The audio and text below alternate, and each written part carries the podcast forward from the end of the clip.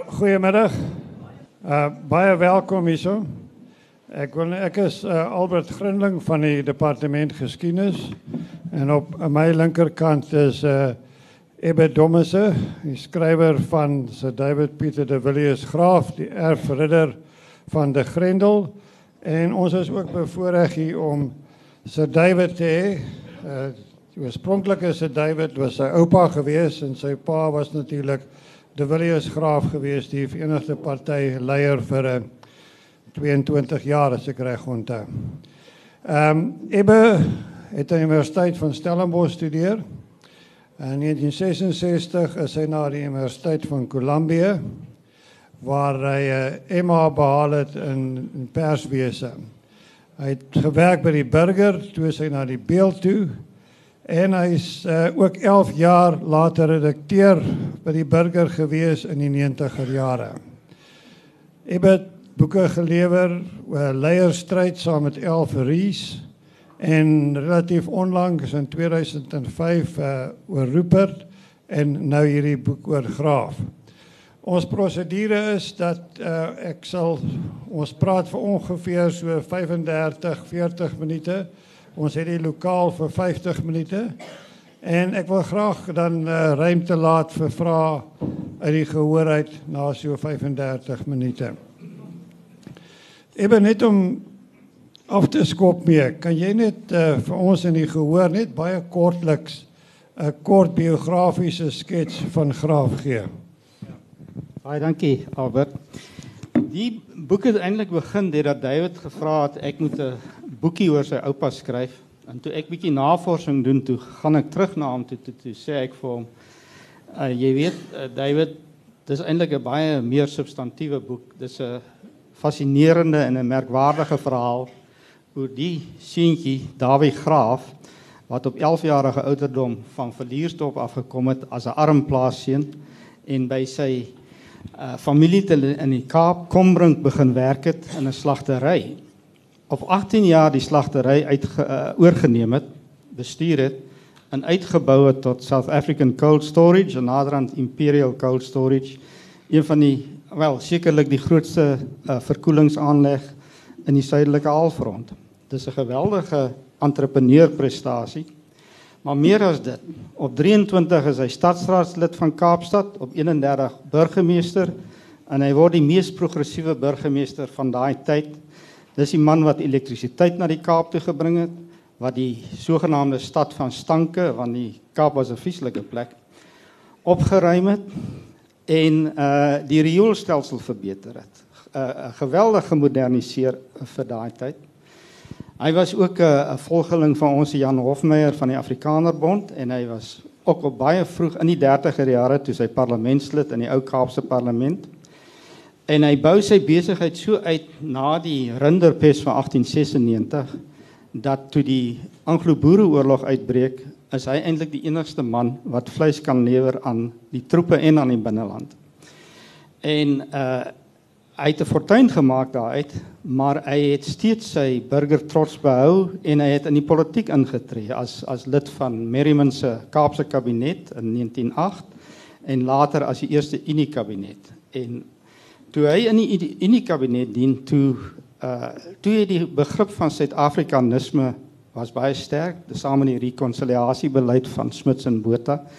En die Suid-Afrikanisme waarmee ons vandag nog worstel, het hy eintlik uh gevestig baie vroeg deurdat hy die Britse skepe se uh houvas en wurggreep op die Kaapse seeroete het hy tot 'n einde gebring met die Poswet van 1911. Dieselfde tyd is hy uh het hy 'n baronetskap aangebied geword deur die Britse koning. Smuts en Botha wou wou nie titels aanvaar nie, maar hy was aanvanklik teensinnig, het dit aanvaar en hoewel hy 'n Britse baronet was, het hy ingetree teen die teen die Britse skeepsbelange. Hy was naderhand hoë kommissaris in Londen en 'n uh, minister van finansies uh, in in seun van Verliersdorp wat waarskynlik nie verder as dan 'n 3 op die dorp gevorder het nie en minister van finansies geword het. Sy sy loopbaan in die politiek is gekort weer deur deur gesondheid. Hy het 'n uh, ernstige blinde darm operasie gehad wat daai tyd uh, lewensbedreigend was. En uh in 1920 het hy uitgetree, maar hy was steeds aktief in die sakelewe.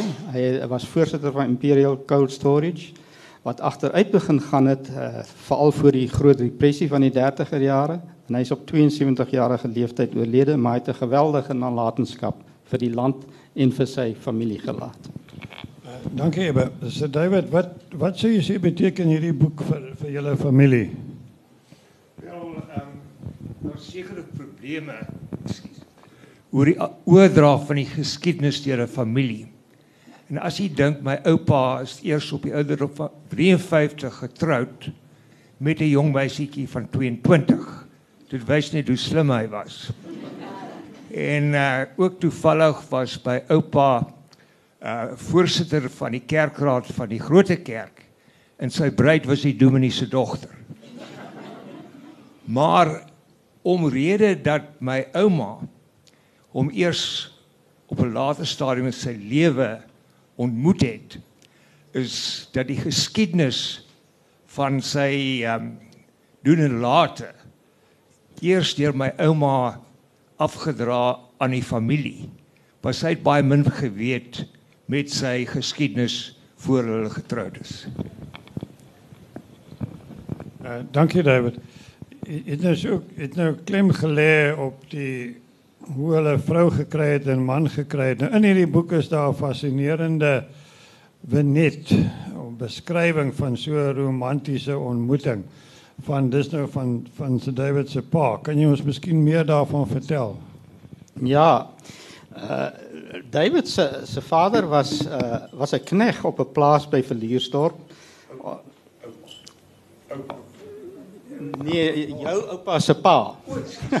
ja. So jou grootjie. Uh hy was 'n knegg op die plaas Wolfhuiskloof en langsaan was uh die plaas Radyn wat aan uh, Pieter Hendrik de Villiers behoort het. Sommige mense sê de Villiers, sommige sê de Villiers. En die knegg het baie belang gestel in mooi Annie, die uh, de Villiers dogter van Radyn. En dis 'n baie mooi romantiese verhaal hoe hy deur die bosse gesluip het om haar te ontmoet terwyl sy die wasgoed gewas het en toe het hy vir haar 'n brief geskryf dat hulle moet wegloop. En uh dis ek meen ek die brief is in die boek en dit vertel hoe hy vir haar sê ek is nou uh, moeg van jou pa se beledigings en so aan en ek ontmoet jou vanaand 10uur onder die eikeboom. Dit klink soos onder die ou ou tree omtrent. En uh, toe het hulle weggeloop te perd en op Franshoek gaan trou. En uh, oubaas uh, die Villiers van van Radyn was nie baie in sy skik met die huwelik nie, maar op die ouend ingegee op voorwaarde dat die seunskinders die voornaam De Villiers kry. Vandaar die naam De Villiers Graaf en David self is David De Villiers Graaf. Uh, dankie Ebe. 'n Bietjie meer van 'n tegniese vraag miskien. Uh, jy maak in die boek melding dat Graaf 'n tweede linie van politici vorm wat nog nie voldoende aandag van historiese gekry het nie. Uh, kan jy miskien vir ons bietjie toelig wat jy daardie bedoel asseblief? Ja, ek kan. Ehm um, as 'n mens kyk na daai vroeë tyd van die geskiedenis, ook bietjie later, daar's 'n hele reeks van van uh biografieë oor die eerste ministers en presidente en so aan. Uh die die eerste een uh, generaal Louis Botha verdien miskien 'n baie beter en omvattende uh, omvattender biografie as wat tot dusver oor hom geskryf is. Maar op die tweede linie is daar baie min. Uh Graaf was 'n vertroueling van sowel Botha as Smuts en uh, oor die ander politici is daar min bekend vandag. Daar was wel onlangs ook 'n 'n 'n biografie oor FS Malan, maar daarna loop dit baie baie dun. Uh in die onlangse verlede kan ons onthou uh, byvoorbeeld 'n uh, uh, biografie oor Paul Sauer. Uh, Pik Botha se het onlangs verskyn en uh, daar's die een van uh, Manuel Trevor Manuel, miskien 'n bietjie vroeg sou ek dink. Uh Maar daarna en jy weet as 'n mens by vandag se se politici uitkom uh, wat die tweede linie betref, jy, jy weet die tweede linie word so word ons meegedeel as eintlik die kollektief Nou wie die kollektief is is nie altyd duidelik nie en is soms lyk die kollektief meer soos die eerste linie. En uh wat uh, wat hulle doen lyk vir my is uh, die beleid word meer bepaal op die tweede linie, die die kollektief, die uh besluit oor beleid en uh hulle ontplooi en herontplooi leiers en kaders en birokrate en so aan. So daar lê vir die vir die uh biograwe en die geskiedskrywers nog taamlik werk voor wat die huidige tyd betref, maar hierdie tweede linie is baie belangrik om die volle omvang van die geskiedenis te bepaal. En Alex Meton, jou kollega by by Unisa, het ook al die punt gemaak dat dit baie moeilik is om die uh, geskiedenis van ons land uh, heeltemal te begryp as daar nie behoorlike biografiese studies deur professionele historiese is nie. Dankie, jy praat van Trevor Manuel se biografie wat miskien bietjie voortydig is. Maar dan dink ek onmiddellik dink ek aan Herschel Gibbs wat al twee biografieë het. miskien aan die einde van sy loopbaan. ja. Ehm um, so David ek ek wil graag vir jou vra sover as jy kan onthou of jou pa dikwels na jou oupa verwys het of daar vormende invloed was op op hom as politikus sover as jy jou, jou geheue strek. Wil ek dit by oupa se oorlede toe my pa nog 'n student was by Uitjies. Maar hy baie vertel van hoe hy groot geword het en die invloed wat my oupa op hom gehad het. Maar ek dink ook dat my oupa se politieke beginsels is oorgedra aan my pa. En dit het gegaan oor die versoening veral tussen Afrikaner en Engels. Ja, ek dink wel hierdie prosesse gewoon gewoonlik mense kan sê daar's bykans so van proses van osmose, jy weet dit. Ehm um, Eba jy jy lê heel wat klem op die netwerke wat Graaf se rol as sakeman en politikus gefasiliteer het. Kan jy ons miskien meer vertel van presies hoe hierdie netwerke gewerk gewerk het? Wat was die verwagtinge, gunste en gawes en sogenaamde trade-offs van so 'n netwerk? Ek ek dink die netwerke waarby Graaf betrokke was, het eintlik baie vroeg begin. Sy sy oom Kombrink wat die slagtery in die Kaap gehad het, was self 'n parlementariër en het hom natuurlik bekend gestel aan die aan die politici van daai tyd, veral ons Jan Hofmeyer wat 'n soort mentor vir Graaf was. Daarna uh ek kyk sy simpatie tydens die Anglo-Boereoorlog het volledig by die by die boere gelê nê en daar was ek kon dit nie bo alle twyfel vasstel nie maar dit lyk redelik seker dat hy selfs in huisarrest was uh onder die Britse uh troepe. En in daai tyd het hy gereeld gekorrespondeer met Botha en Smuts en na die uh, Anglo-Boereoorlog het hy uh, selfs opgegaan Transvaal toe om om om by te staan met die uh, stigting van het volk van Botha en Smuts en die uh, politieke netwerke uiteraard het hom bevoordeel. Uh kyk die die sakebedrywighede het hy gelos terwyl hy in die politiek was. Hy was ook daarteen dat dat uh politici deelneem aan sakebedrywighede. Ek ek lig dit redelik toe in die boek. Hy was nie 'n tenderpreneur gewees nie. Uh, hoe genaamd nie. Hoe genaamd nie. Uh hy het wel die diamantbelange wat wat uh in uh Suidwes-Afrika en Namibië bekom is. Daar het hy 'n rol gespeel, maar hy het uit die politiek getree. En uh hy was 'n direkteur van Consolidated Diamonds wat naderhand natuurlik hy uh, kyk uh, Oppenheimer het die diamantbelange bekom in in Namibië. Toe hy terwyl hy betreklik klein organisasie was. Maar uh dit het hom in staat gestel om naderhand uh, Rhodes se De Beers oor te neem. Nee, Oppenheimer het De Beers oorgeneem uh kort nadat ek dink kort nadat uh Graaf heeltemal uitgetree het as as sakeman. Dankie. Ehm um, dit dit nou verwys na sy gesindhede gedurende die uh, Anglo-Boereoorlog. Kan jy miskien vir ons 'n bietjie uitbrei oor die ambivalente posisie van die Kaapse Afrikaner vis-à-vis -vis die Britse ryk en vir ons belig dan hoe het hy hierdie dinge versoen? En en ook hoe pas die baronetskap binne hierdie scenario? Ja, uh, dit dis 'n besonder interessante studie om om te kyk na die posisie van die Kaapse Afrikaners in daai tyd. Graaf self soos soos ek genoem het, sy simpatie was aan die boerekant en uh, maar tog uh, as hy nie vleis aan die Britte is Britse troepe gelewer het nie, kon sy besigheid genasionaliseer gewees het want hy was 'n Britse burger. en as hy sou weier en dit is inderdaad geopend uh, geopper uh voor die War Commission wat die wat die uh, hele vleislewering ondersoek het dat hulle kon dit wel nasionaliseer en daar was eintlik niemand anders wat vleis op daardie geweldige skaal kon lewer en dit was die eerste keer in in oorlogvoering dat bevrore vleis gebruik is om die troepe te voorsien. Die uh ek weet 'n interessante persoonlike ding is dat uh die uh, simpatie wat die graafs dit was Sir David en sy broer wat hulle vir die vir die uh boere magte gehad het en ook uh, in die konsentrasiekampe. Ek het afgekom op 'n brief in die kerkbode van hier tydens die oorlog wat geskryf is deur die dominee wat die kampleraar was van Springfontein se konsentrasiekamp en wat die graafs baie baie hartlik bedank het vir die noodleniging en die geskenke wat hulle aan die vroue en die kinders in die konsentrasiekamp uh, uh, geskenk het. En die dominee was uh, my oupa, dominee Ebbe Dommese. Hy het hy die graafs bedank vir hierdie hulp aan die aan die en dit is dit wys jy ook maar net graaf se se eie broerskind uh, was 'n Kaapse rebel, né, nee, strafbaar met die dood. En in in daai posisie was baie ander Afrikaners in die Kaap. Uh, Lyk my nou baie netwerke wat eintlik slymerend is waarvan ons nou, nou bewus van maak, ja. Ja. Uh, so kan 'n tipe persoonlike vraag vra. Hoe voel dit om een van die min baronetskappe in die land te hê? Die enigste een waarskynlik, né? Nee. Wel, ehm daar is 'n interessante ja, geskiedkundige storie hieroor.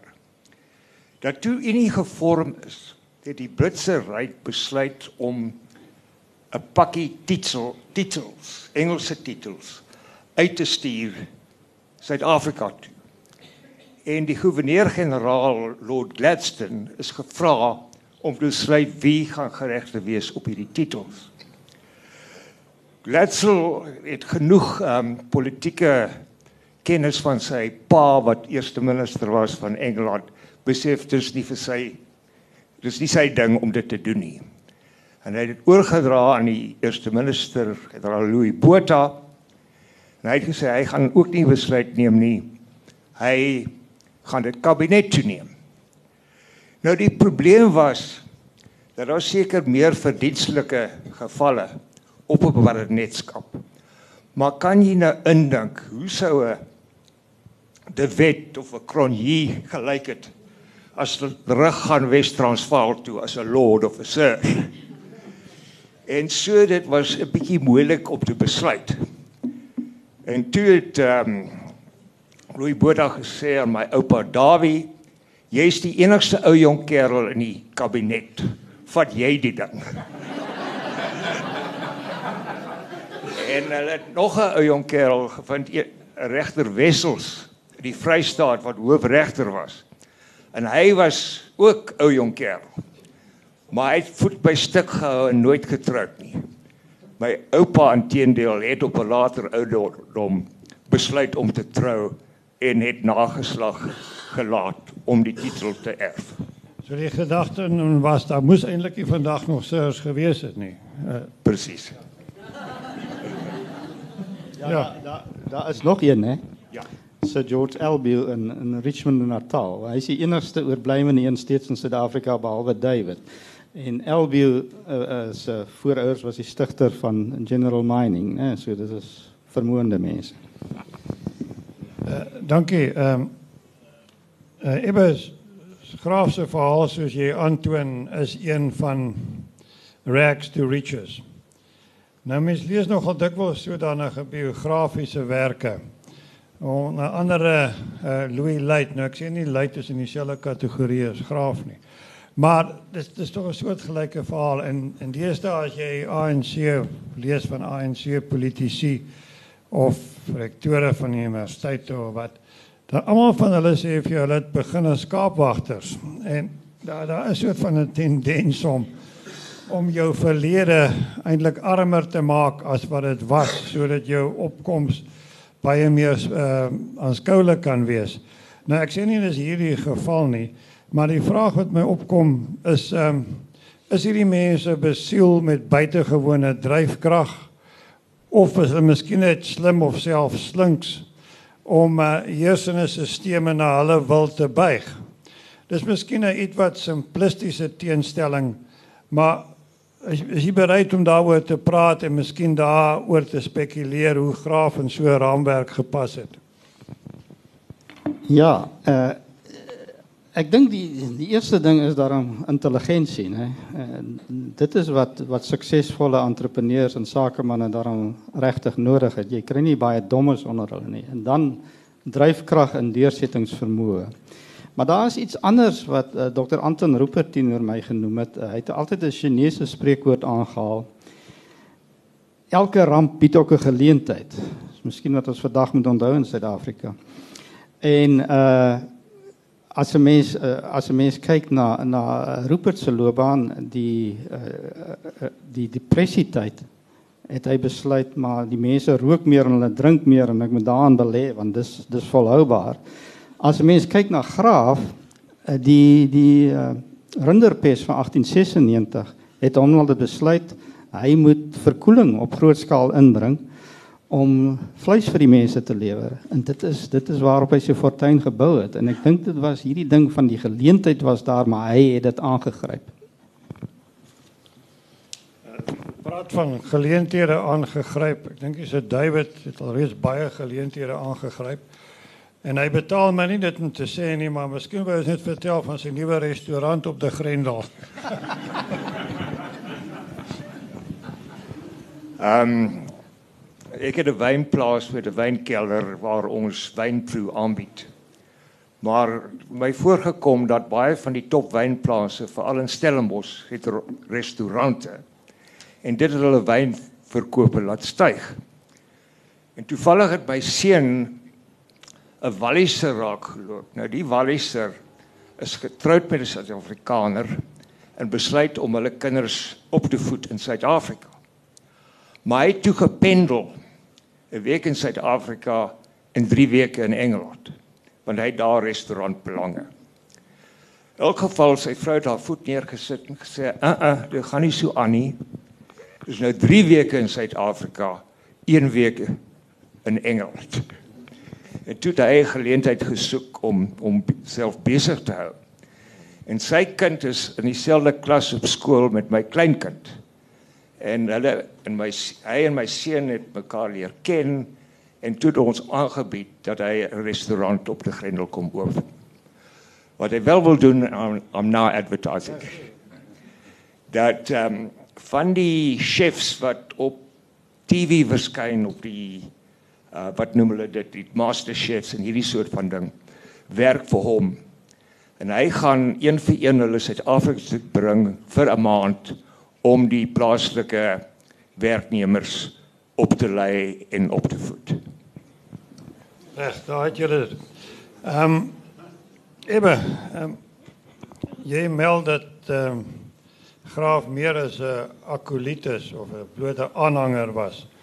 Uh maar nou wil ek vir jou vra of dit nie miskien die rol is wat hom die beste gepas het nie. Was hy nie miskien meer van 'n burgerlike leier, 'n civic leader? as 'n keiharde politikus nie. Uh miskien kan jy vir ons ook meer vertel in die verband met sy rol as burgemeester wat hier te sprake was. Ja, dit het my opgeval dat dat Graaf was nie 'n klipharde politikus wat mense se koppe om hom afgekap het en so aan en en hy was uh, hy was betrokke uh tydens Edinburgh uh in die in die stryd om wie die eerste eerste minister gaan wees, die eerste premier. En daar het hy natuurlik gebots met met Merriman wat graag die werk wou gehad het, maar Merriman het nie 'n politieke gevolg gehad nie en Graaf en FS Malan het vir uh Louis Botha gesteun. Uh en as 'n mens as 'n mens sy loopbaan in die parlement verder bekyk, definitief in uh meer op die agtergrond. Uh, hy was hy is beskou as die besigheidsman in die in die kabinet. En uh toe die toe hy met die skeepsding van Engeland uh deurmekaar was, is geskryf dat daar is op daai stadium was daar net twee sakemanne in Suid-Afrika wat die ingewikkelde uh onderhandelinge kon hanteer, uh, Graaf en JW Jagger van die die groothandelaar. So hy het geweldige kennis gehad op daai gebied wat hy goed kon gebruik. As 'n mens teruggaan na na sy burgemeesterskap Jy weet hy het op uh, op eie koste het hy oorseese studiereise onderneem onder meer na Berlyn en Engeland en Amerika elders op die vasteland ook om om te kyk wat wat doen die ander uh munisipaliteite en dit is wat die die die, die modewoord vandag is benchmarking né? So ek dink dit was 'n eerder 'n kwessie van burger trots en en uh nie so seer politieke maak en breek nie. Dankie. Ehm um, net net net aansluitend daarbey Wat my opvallend is is dat 'n persoon wat so jy sê, so ek weet heeltemal seker of hy welstand in 3 gemaak het nie. Maar dit uh, dan moet hy autodidak gewees het om want dis dit tog komplekse finansiële sake wat jy moet bedryf en en en begryp. Het hy homself geleer in die opsig of het hy 'n mentor gehad in in die verband? Ja, sy sy mentor was natuurlik Kombrink. Die die storie word in die boek vertel dat terwyl hulle die lone uitgedeel het uh, by die slaghuis en so het hy tussen sy oom se knieë gesit en gekyk hoe die geld uitgedeel word en so aan. Hy het ook aandskool in die Kaap bygewoon en dit is baie moeilik om vas te stel hoe ver hy daar gevorder het, maar definitief het hy homself baie geleer, uh, self autodidakties en hy het ook leer Engels baie goed uh leer praat en skryf. Hy kon dit sintakties korrek skryf. Uh, so David ons uh, het dit nou genoem na hoe, hoe tweetalig jou oupa was. Uh en met jou eie pa was daar doelbewuste poging in die huis om tweetalig te wees. Uh, uh baie beslis. Want ehm um, ek het op 'n plaas groot geword en die voertaal op 'n plaas in Suid-Afrika, veral in die Wes-Kaap, is Afrikaans. So ek was bevoorreg om van kleins af al twee tale te kan praat. Ja, ek ek kan net miskien byvoeg, uh sy seun Robert sê ons graafs uh boer in Afrikaans and we mark it in English. ja, ehm um, in die Suid-Afrikaanse konteks dan kan mens baie keer ongelukkig was ongelukkig nie daarvan wegkom nie. Uh kan jy ons miskien meer sê oor wat uh Sir David Graaf se beskouinge oor ras was in in daai tyd toe hy toe hierdie dinge te sake was, ek dink aan die naturele grondwet, landwet, Native Land Act van 1913 en 'n hele reeks wetgewings wat daardie tyd gepasseer is. Ja, ek ek uh, wy heelwat uit in die boek daaroor. Ek dink uh Graaf was se standpunt was baie nader aan aan FS Malan. Uh, Malan het natuurlik uh tydens die onder onderhandelinge met die nasionale konvensie en so aan was Malan ten gunste van algemene stemreg vir almal, né? En Graaf self was ten gunste van die behoud van stemreg in die in die ou Kaapkolonie het almal stemreg gehad. Daar was nie gekwalifiseer, maar daar was nie 'n kleurslagboom nie, né? En Graaf was deurentyd en gunste daarvan. Met die uh die daai wet van 1913 uh daaroor kon ek nie veel opspoor dat hy dat hy wel 'n standpunt gehad het daaroor. Ek ek het wel uh, vasgestel dat uh, Botha was ten gunste van die inlywing van die protektorate nê uh, vandag Botswana, Lesotho en Swaziland en Graaf het dit gesteun uit selfs met die dit geopper by die Britse regering. Maar uh, Graaf se standpunt lyk vir my was maar die die soort van wat hulle noem die die Kaapse the Cape Liberal standpunt.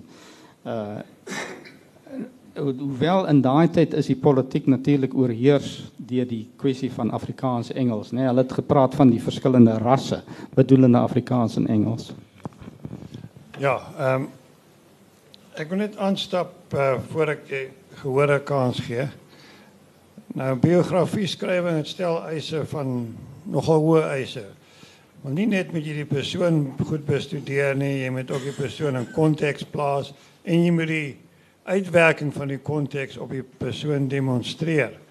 Nou jy het 'n uh, belangrike boek oor Rupert geskryf. Nou wil ek vir jou vra watter een was vir die moeilikste oor Rupert of oor Graaf? Die boek oor Graaf was baie moeiliker.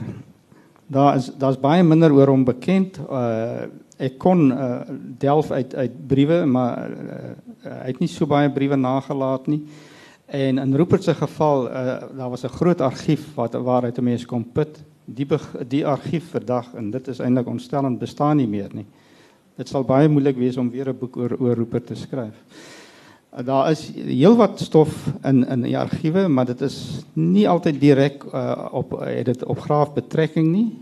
Maar uh, dit het tog gehelp. Ek meen wat ek wat ek aanstip in die boek is dat ek het probeer om 'n boek te skryf oor graaf in sy tyd en nie graaf en sy tyd nie. Ja, uh, dankie. Uh, Sir David, uh, hoe kom het julle vir Ebbe gevra om hierdie boek te skryf? Goeie vraag. Uh, ek en Ebbe was tydgenote op Stellenbosch. So ek en Ebbe het 'n lang pad saam gestap en ek was nogal um, beïndruk deur sy broek oor Anton Rupert en ek het eendag vir Ebbe op straat raak geloop. Ek sê Ebbe, wat doen jy nou? Hy sê nee man, ek is nou afgetree. Ek sê maar ek het 'n job vir jou. Dankie. Ek wil dit nou um, ek neem nou graag vra uit die uit die uit die gehoor uit. Is daar enige gedagtes of enige vrae wat jy enige van die twee persone hier wil vra. Dankie. Kan ek net vra dit gaan nie oor oor bly so oupa nie, van direk oor hom eintlik. In die tyd toe ek en hy groot geword het, was hy, ek weet nie wat sy politiek toe was wat ek aanneem hy was aanhanger van die Spaanse party.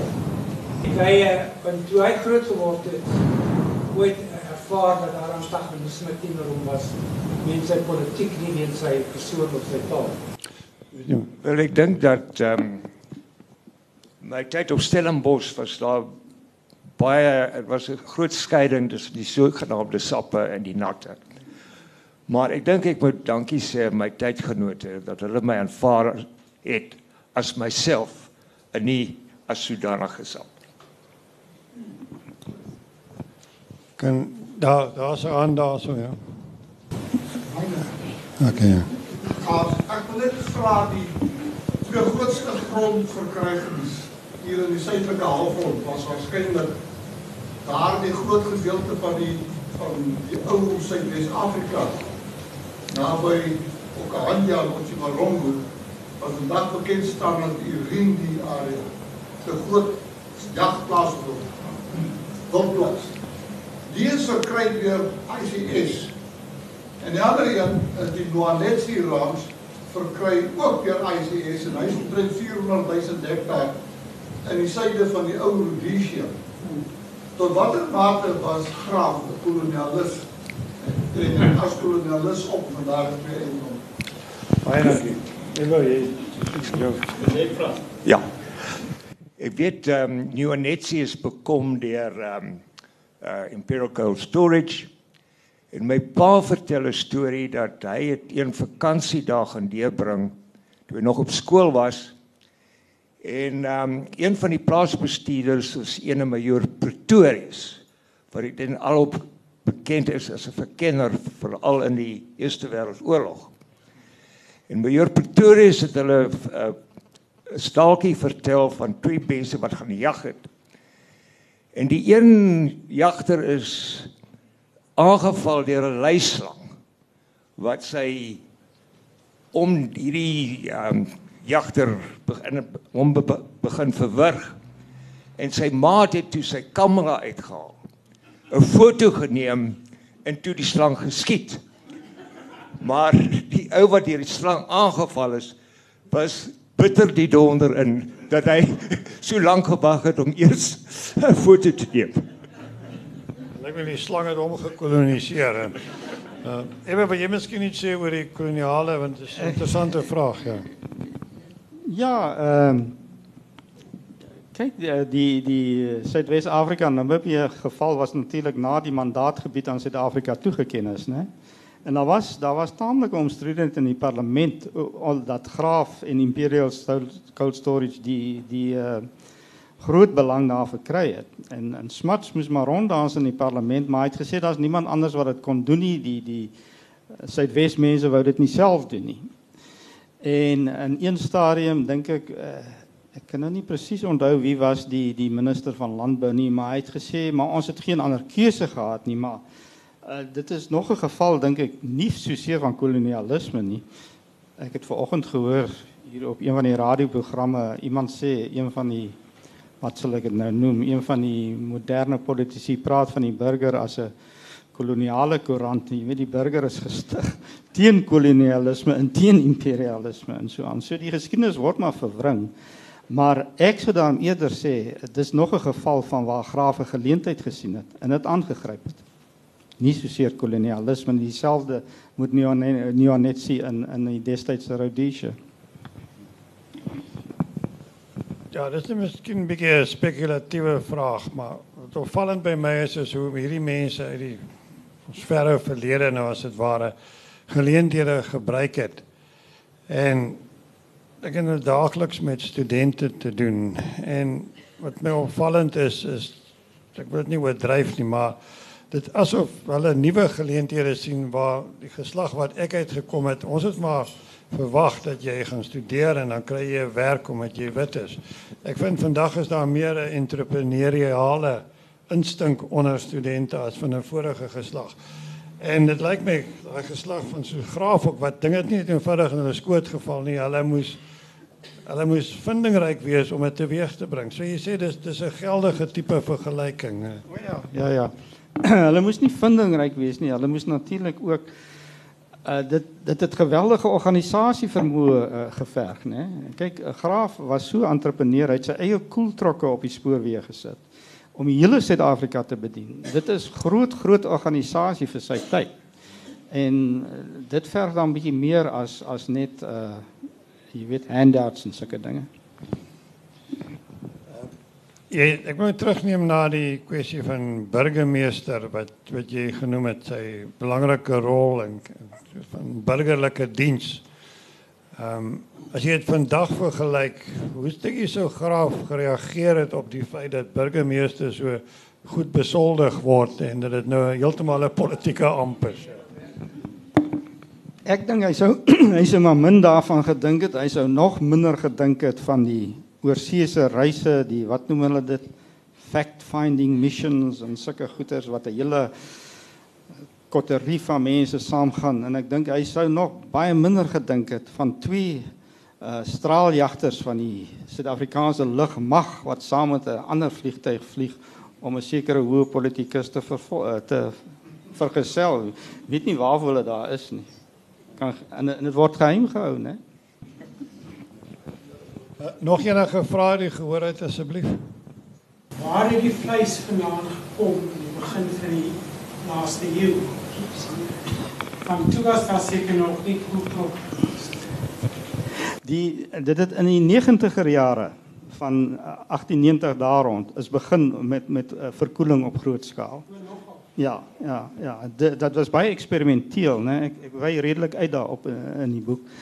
En uh van 1896 af uh is die vleis veral ingevoer, verkoelde vleis met skepe uit Argentinië, uit Nieu-Seeland, uit Australië en en die uitvoer na wat Graaf mee begin het nadat hy nou die belange in in uh en Namibië en uh Zimbabwe bekom het was wêreldwyd. Uh hy het hy het 'n groot aanleg gehad in La Plata in in Suid-Amerika. En en daarvoor dan het baie vleis ingekom. Uh, ek meen met die rinderpes is is die Suid-Afrikaanse veestapels is feitelik heeltemal verwoes, né? Nee, daar was baie min vleis oor in die land. Dankie. Nog enige vrae asseblief? Ah, heel agter is aan. As die boere Afrikaners in Argentinië enigstens betrokke by die vleis ehm um, wat dit ook in die kom het. Nee, hoegenaamd nie. Nog enige vrae? Daarso is aan, dankie. Albert nee, want jy kan nie vir ewer so lank wegkom nie. Hy kan nie sê dit net 'n geleentheid wat aangegryp is deur Graaf nie, want dan het Rhodes ook net 'n geleentheid aangegryp om Rhodesia te vat. Ja nee. En maak dit 'n paar mense dood en met 'n geleentheid gehad om te doen en toe vat hulle die hele Rhodesia. Nou, nou kan ek nie verstaan hoe hy dit so kan wegpoets agter hierdie gedagte wat jy in sy sy mond geplaas het. Nou word dit net 'n geleentheid. Ek ben so, ek wil ander ek wil ander gedagte in jou in jou kop. Uh, kyk, Piet is baie opsetlik nou dinge. maar ek aanvaar hy kan opsetlik wees. Uh ja wel, ek meen uh, uh Rhodes uh, Rhodes was eintlik uh, as 'n mens hom reg beskou eerder 'n 'n Kaaps koloniale imperialis as 'n Britse imperialis. Hy het sy hy het sy maatskappy hier geregistreer en so aan, né? En die goed wat met Lawangula gebeur het, die die rad opsie, die rad konsessie en die goeders. Ja wel, dit was nou maar suiwer kolonialisme. Maar uh, Piet, daar's 'n verskil uh, Graaf het nie uh, eh, uh, eh, uh, Rhodesia geannexeer nie. Hy het net 'n stuk grond daar loop kry. Ja, ek dink ons sal altyd verskil oor wat behels kolonialisme en sy nalatenskap. Uh, enige ander kwessies asseblief? Daar's 'n hand daar so ja, maar. Ja, as iemand oor government se opstel van groot Afrikaanse entrepreneurs. En jy dink aan die kompleksiteit van Graaf se besigheid wat hy opgebou het. Waar gaan die begraf plaas? As jy dit vergelyk met die Randlords of met die Oppenheimers of met die Ruperts of selfs die mense van vandag. Ja, ja dis 'n moeilike vraag. Ehm um, Ek ek dink Graaf sal beslis minstens onder die eerste 20 kan wees.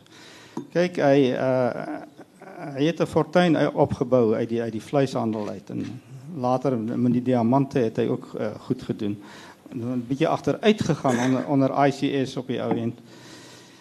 En die die landlords het natuurlik vir al die minerale rykdomme het hulle uit geld gemaak. In daai opsig het graaf verskil soos Rupert verskil van die van die mense wat uit minerale geld gemaak het. Rupert het uit uh, tabak en sigarette geld gemaak.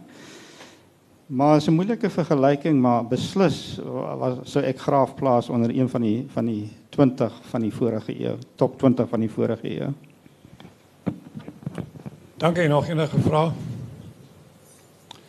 So David, miskien miskien kan ek vir jou vra um, is dit eh uh, as mens so daarna kyk, is dit 'n groot verantwoordelikheid om so 'n tipe sakebedryf te erf en Eh, plase en so meer.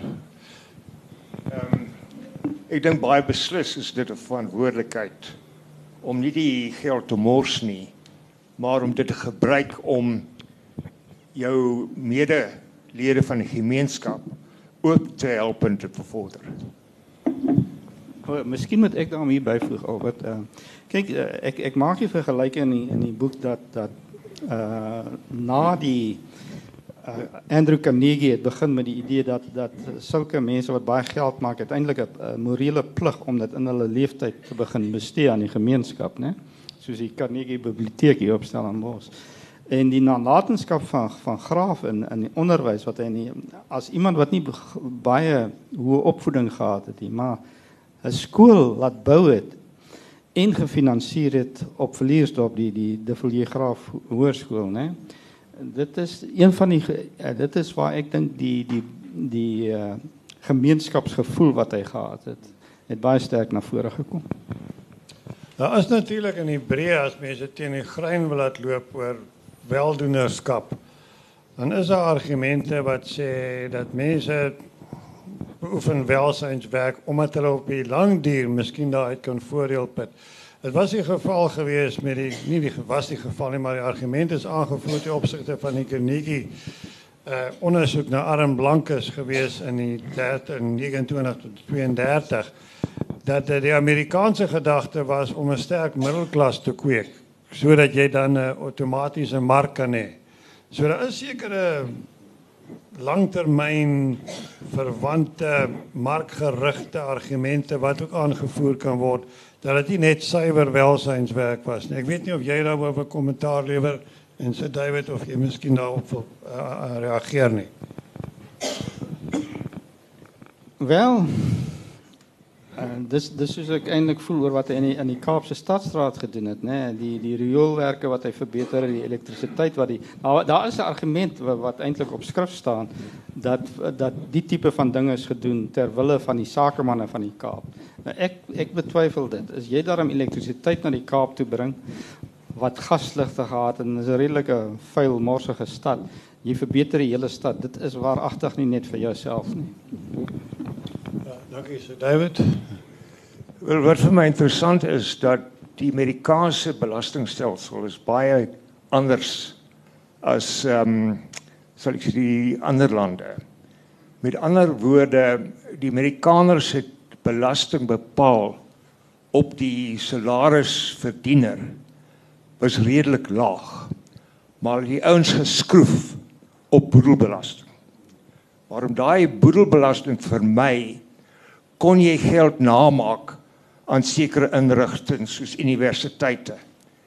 En as iemand ehm, 'n uh, keuse het om boedelbelasting betaal of om 'n gebou met jou naam daarop op 'n universiteit te laat bou, is die antwoord baie maklik dan. Ja, ek dink dis vir alle Amerikanse, dit is nogal baie wyd versprei in Amerika, ja. Ja. Suid-Afrika probeer ons van name ontslaa raak, lyk dit my.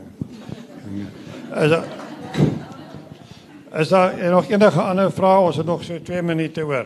Daar's 'n vraag daar. Ek wil graag vir sy David vra dat ek verstaan daar was 'n baie wonderlike filosofie in sy oupa se testament gewees dat hy sy kinders uh morele lesse gegee het, leiding gegee het. Ja. Ehm um, jy het aanbeveel aan sy kinders en kleinkinders dat ehm um, hulle moet 'n opregte lewe lei en hy beveel aan dat hulle of in die regte studeer of landbou. En my seun het ehm um, op sy um, met die toespraak met sy huwelik gesê wil hy het albei gedoen. Hy's met 'n regsgeleerde getroud en hy het self landbou geswat. Dis 'n goeie 'n politieke antwoord. Uh, is er nog enige ander vraag? Alsjeblieft. Ons het nog een beetje tijd hoor. Ja, ek ek kom van Verliesdorp. En ek kan nie sien hoe uh graaf ooit kon dink dat die enige politieke gewin of finansiële ekonomies gewin kon put uit die feit dat hy daardie skool tot stand gebring het. Wil jy dink die Dit is dit is net nie so kan net nie so wees. Wil ek dink die ding is dat my oupa het baie min ehm um, opvoedige geleenthede gehad op Verliersdorp. Want daar was mos die rondgaande skoolmeester wat stel vir 3 maande op 'n plek gebly het. Dan het die kinders alles geleer wat die die rondgaande skoolmeester kon leer. Toe het terug plaas toe gegaan en tot die volgende uh, rondgaande skoolmeester opgedaag het. So ek ons reken dat in die ou taal het my oupa miskien dit 4 groot geword. Uh jy weet deurgekom op Verliesdorp en toe sy Kaap toe. En hy het toe besluit, hy hy het besef die, die nadeel wat hy gehad het sonder 'n uh, uh, formele opvoeding. En hy het toe vir homself gesê geen kind in die toekoms wat op Verliesdorp boere gaan met daai um sal ek sê ja. Die, die, en dis hoekom hy die skool gestig. Ja. Ja. Ek ek kan miskien net noem ek weet bietjie wat ek weet van Verliesdorp en die skool daar is op 'n sekere stadium in die skool ook kinders ontvang wat ontspoor het in Kaapstad. Dat hulle soontoe gestuur is in landelike omgewing en bietjie onder strenge dissipline was en, en so. Een van hulle was Colin Eglin. Ja, ja, dis dis dis dis heeltemal is heeltemal korrek. Ek ek praat self oor my eie geskiedenis, maar ek kan miskien net noem afgesien jy dit nou genoem het dat my pa se eerste onderwysposisie was in 1937 was by die Villiers Graaf Hoërskool en hy het vir Colin Eglin skool gegee. Wel hy het 'n goeie job gedoen. Reg baie dankie Ebbe, baie dankie Sir David en baie dankie vir julle vir julle bywoning.